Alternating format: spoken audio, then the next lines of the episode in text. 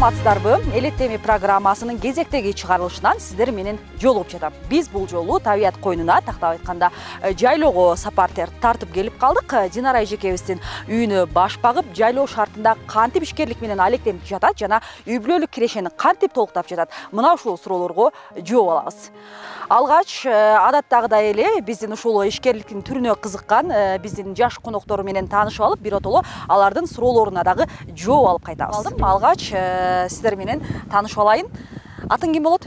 Менин атым айнагүл. Мен кыргыз улуттук университетинин үчүнчү курсунун студентимин.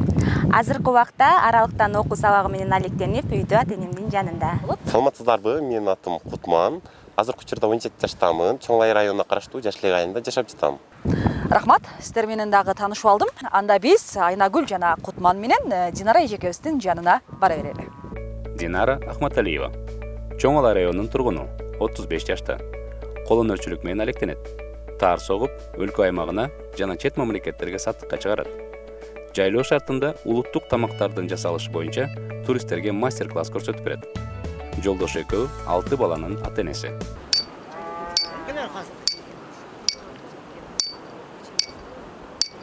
динара эжеке кандайсыз? Жакшысызбы келиңиздер. Кандайсыз? Келип калдык. Кандайсыңар жакшысыңарбы жакшы жакшы келипсиздер ооба рахмат рахмат. Иш илгери болсун.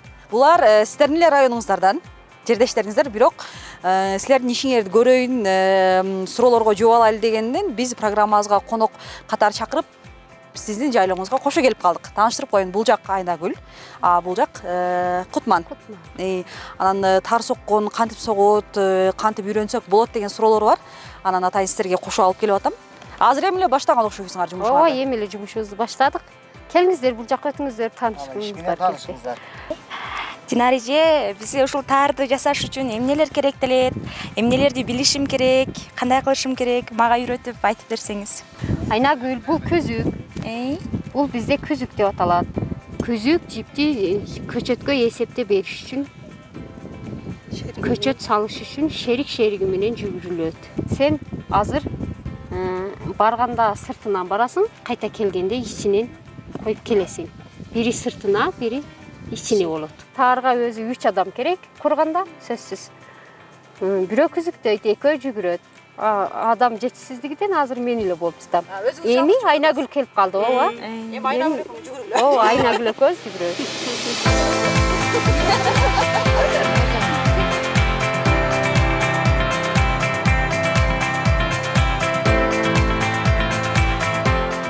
сен дагы көрчү? Саламатсызбы? Азыр айнагүл муну жүгүрүп атканда мен бул иштин абдан майда эмгек талап кылгандыгын көрдүм. Негизи абдан майда эмгек талап кылат окшойт ооба бирин сыртынан бирин ичинен апарасың кутман өзү негизи эркектер мындай жүгүрөбү таар согобу дегендей да. Жок эркектердин азыр биз кутманга карматып койдук. Ооба эркектердин деле немеси бар жасаганда берет жасаганда ага күч керек аягын тээп берет таарга. Азыр э, э, мындай таар соккону жүгүргөнү деп атабыз да эркектер мынтип э, жасап көргөндөрү барбы же биз биринчи жолу эле кутманды салып койдукпу жүгүр депчи? Кутманды биринчи жолу салып койдук окшойт деп ойлойм эркектер жасабайт. Эркектер жасабайт баягы оор жумуштарды оор жумуштарына жардам берет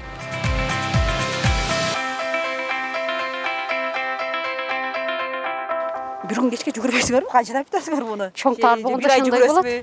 жок чоң таар болгондо ошондой болуп калышы мүмкүн. Канча? Эки саат эки саат үч саатта бүтөт чоң таар кургандачы.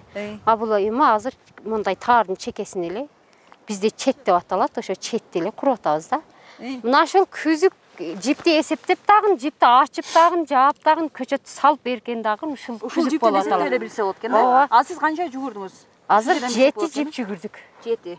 Жок жетиден көп болуп турбайбы? Жок биз бул чекесинде суулары бар. Көчөт деле жети жип деп эсептейбиз.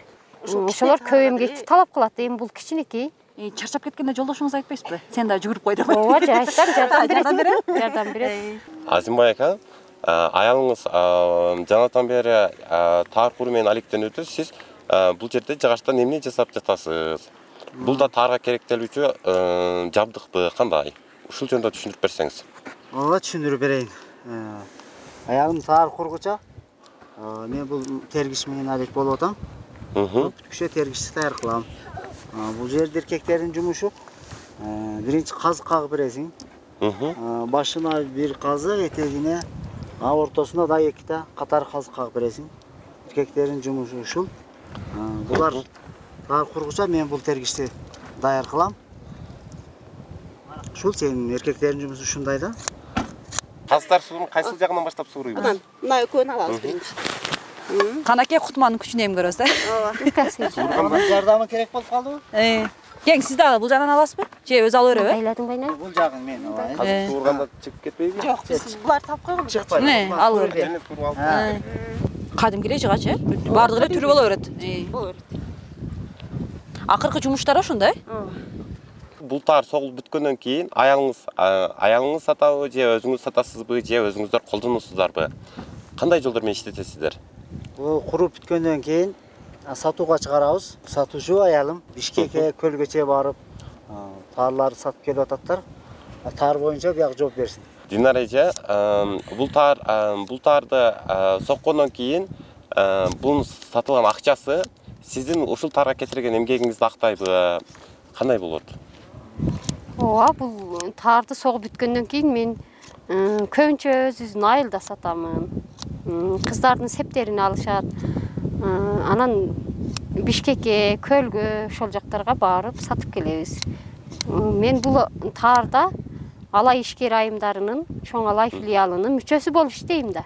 Ошондо м, бизден ушул жумуштарыбыздан арасынан алып кетишет ушуларды сурап э, туристтер келип алып кетишет мисалы былтыркы жылы жазында тоолор фестивалында э, лейлимпикке бардык ошондо туристтер келип ушул таарларыбызды сатып алып кетишти Биз саттык. Эгер сыр болбосо, а, былтыр ошол Лелимпик жака барып сатып келдим дедиңиз. Канча канчадан саттыңыз? мындай сумкалардын боолорун бул сумканы боо үчүн куруп атам мен азыр сумкалардын боолорун он эки үчтүк жасап бардык он бешке он жетиге чейинки сумкаларды алып бардык. М, кеми миң сомдон ашык сатып келдик да. Беш миңге чейин. Беш миңге чейин. Чоң сумкаларды беш алты миңге чейин сатып келгенбиз. Таарлардын э, сапатсыз согуп алып өткөрө Э. албай жүргөн кезибиз болгон. Э, башында кыйналдык ооба билерге маани бериш керек экен? Табактарга катышпастан мурда ошол светтерди тандай албай. Э, мындай жүгүрсөк ката эме кылып алып түшүрүп алып ошентип кыйналып жүргөн күндөрүбүз болгон. Анан эми сапат окууларына катышып сапатына түстөрүнө кайсыга кайсы жарашаарын билип алдык.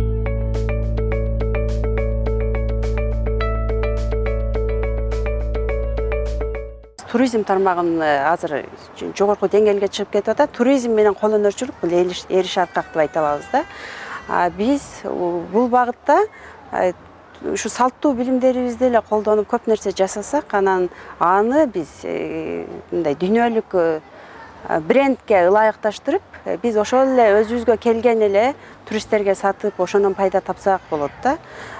Ошол эле килемди алалы таарды алалы акыркы жылдары биз ушундай иштеп атабыз. Аларды мурда биз көлөмүн чоң жасачубуз азыр ошону кичинекей кылып баягы самолетко салса дагы көтөрүп кете турган.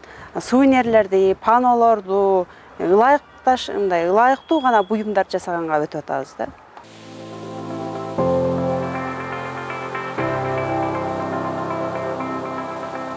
Анан тайын аласың тай пай менен экиден бери. Ооба экиден бир практика жүзүндө сабак болуп атат биздин кызга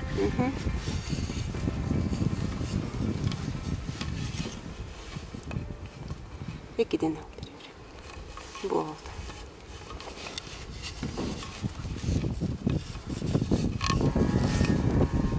Көбүнчө эле өзүңөрдүн районуңарда. Ооба. Баягы кыз узатуу тойлорго ооба бизге бишкектен жибек эже заказ алат ошолорду биз аткарып неме кылабыз? Эгер сиз чоң таар алам деген болсоңуз отуз кырк миңге чейин эң кымбаты кырк миңге чейин. А орточо баасычы орточо баасы орто орточо таар алам десеңиз жыйырма миң. жыйырма отуз миңге а алабыз. мисалы жыйырма миңдигине сиз канча күн иштеген болосуз? Канча күн мээнетиңиз миңге мен кетет? Бир ай. иштегем үч адамдын.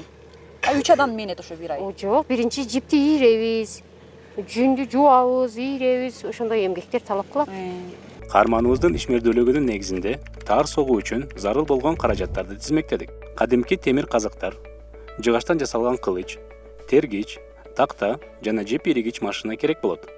Машинанын баасы жети миң сом. Ал эми калган кылыч такталарды үй шартында өз колуңуз менен жасап алууга болот. Эскерте кетсек жип иригич машинаны ишмердүүлүктү баштоо алдында гана сатып аласыз. Көпкө кызмат кылат ал эми жүүн боек сыяктуу буюмдарды ар бир таар сокконда сатып алып турасыз. Маселен жыйырма метр узундуктагы таар согуу үчүн он килограмм жүн керек. Ар бир килограммын беш жүз сомдон сатып алсаңыз болот. Жүн ирилген соң ар түрдүү түскө боелот болжол менен жыйырма метр таарды даярдоо үчүн үч миң сомдук боек сатып алганыңыз жетиштүү. Ошондо кол эмгегин жана жип иригич машинаны эсепке албаганда жүн боекторду сатып алуу үчүн сизден сегиз миң сом керектелет динар эже мен ушул ишти баштаганга алгач мага эмнелер керек болот? Кайсыл жактарга сатсам болот? Канча мезгилде үйрөнө алам? Сен буну үйрөнүш үчүн үйрөнүш үйрөнүп алдың окшойт деп ойлойм баягытан бери. Анан буну сен сата аласың сен биринчи эмгек кылышың керек кылышың керек эмгек. керек. Ооба сапаты менен жасап бүткөндөн кийин сатуу жолдорун табасың тез эле таап аласың. Ооба. Канча жылдан бери ушул ушул тармак менен иштеп жатасыз? Мен үч жыл болуп калды. Үч жылдан бери ушул тармак менен иштейм. Мурда жөн эле үйдө отурчумун.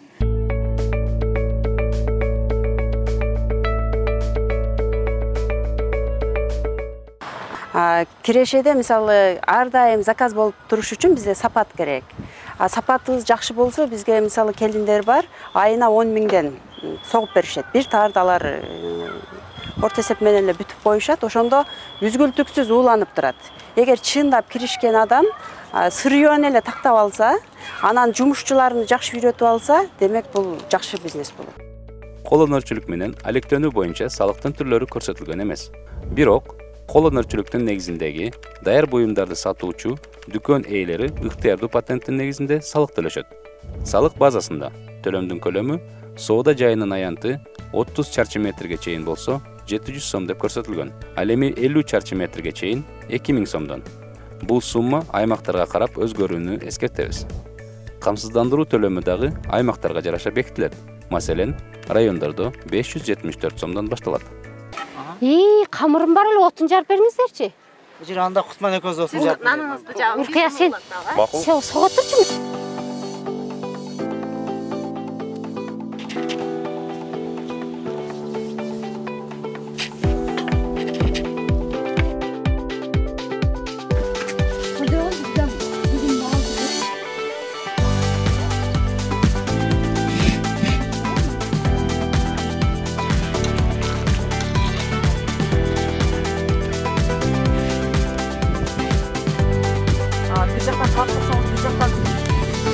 жабам тамак аш ооба балдарымды карайм мындай нерселерди а, кимдер дагы кызыгып келип сурашып а, көрүп кетишет? Туристтер келип көп көрүшөт. Буга чейин биз америкадан келгендерге көрсөттүк. ооба бир жолу мастер класс өттүк ошолорго аябай кызыктуу болуп таң калышып бизди кучакташып алар үчүн башкача экен да. Ошондо сиз мастер класс дагы көрсөтүп бересиз. Ооба, нан жабыш жагынан да- дагы? Ооба нан жабышты дагы мастер класс кылып көрсөтүп берем чабаты каттама булар бисмилля жайлоодун тамактарын да баштадыңыз э? Баштадык.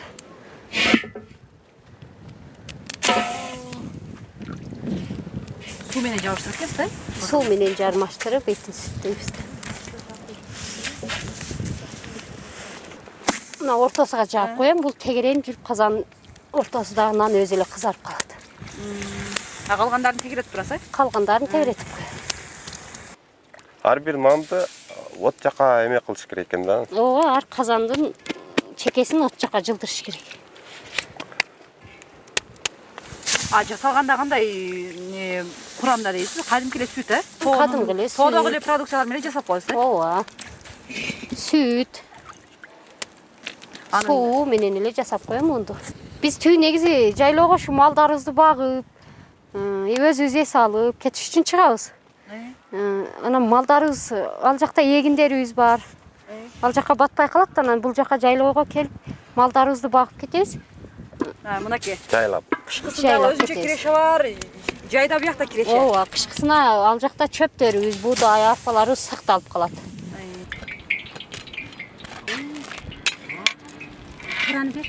Мага бер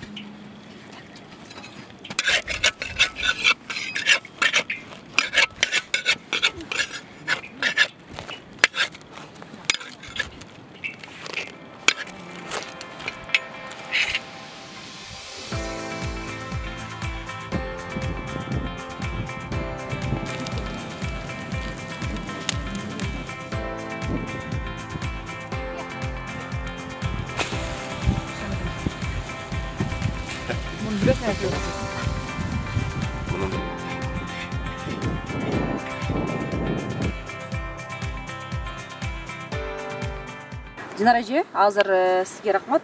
Жана ишмердүүлүгүңүз менен тааныштык э, таарды кантип токуйду. Аз да болсо үйрөнүп алдык.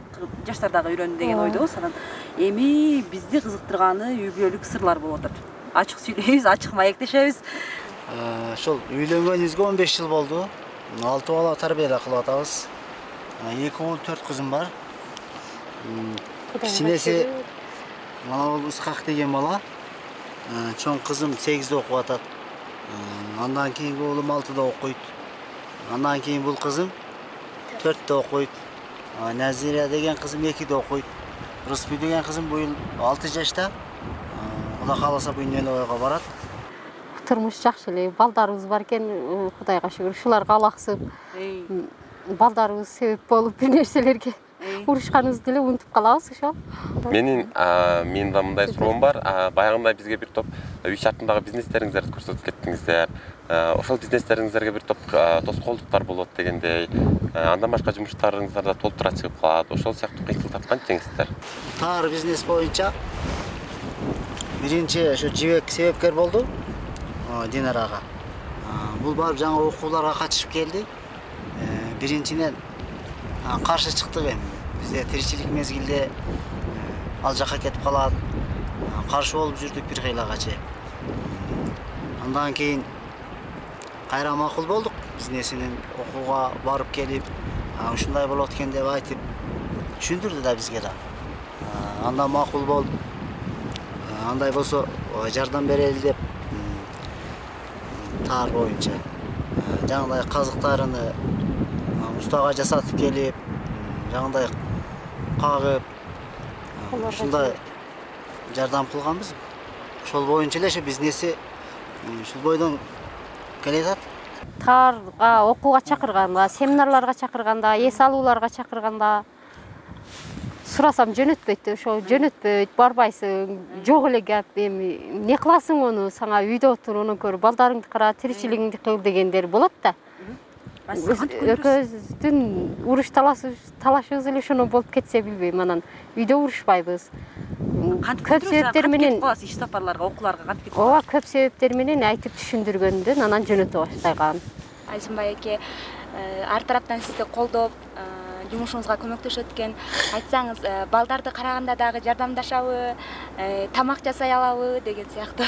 Өзү жооп берсиң, э? иш кылып жатканыңызда жаңындай окууларга кеткенде э, балдарга өзүм тамак кылып берем балдарды өзүм карайм. Кызым жардам берет. кызым чоңоюп калган сегизинчи класста окуйт кызым жардам берет. Бир жума э, үч күн төрт күнгө окуу жайга кетет. Ошондо өзүм жардам берип турам. Анан э, акыркы суроону берейин да. Ошондо жумушуңардын негизги кайсы бөлүгү? Таар согуу болуп жатабы же кандай же дагы башка жумуш менен алектенген дагы жетишесиңерби негизи үй бүлөлүк киреше каяктан толукталып атат дагы э, балдарыңарга кенен убакыт бөлүп мындай убакыт бөлүп караганы шартыңар барбы? Э, мал жандыгыбыз бар жайлоого чыгабыз.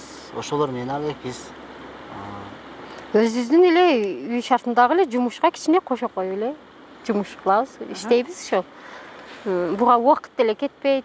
Өзүбүздүн эле тиричилик дагы өтөт. Бул жашоо бул ишти деле алып кете беребиз. Балдарыбызга деле көңүл бөлөбүз балдар сабакка барат сабактарына жардам беребиз.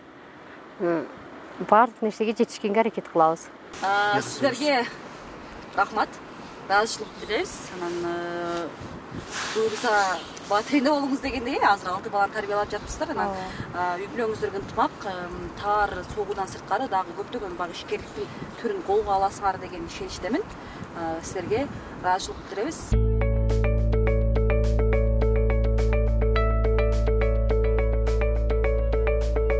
урматтуу жаш достор сиздер дагы айнагүл жана кутман сыяктуу биздин программага конок болууну кааласаңыздар анда бизге комментарий жазыңыздар. Тактап айтканда ишкерликтин кайсыл түрүнө жана эмне себептен кызыгасыз телефон номуруңуз менен кошо жазсаңыз биз сиздер менен байланышып конок катары чакырууга даярбыз. Ошондой эле биздин сонун белектер бар экендигин эске салабыз жана мен сиздер менен кийинки программанын чыгарылышына чейин коштошом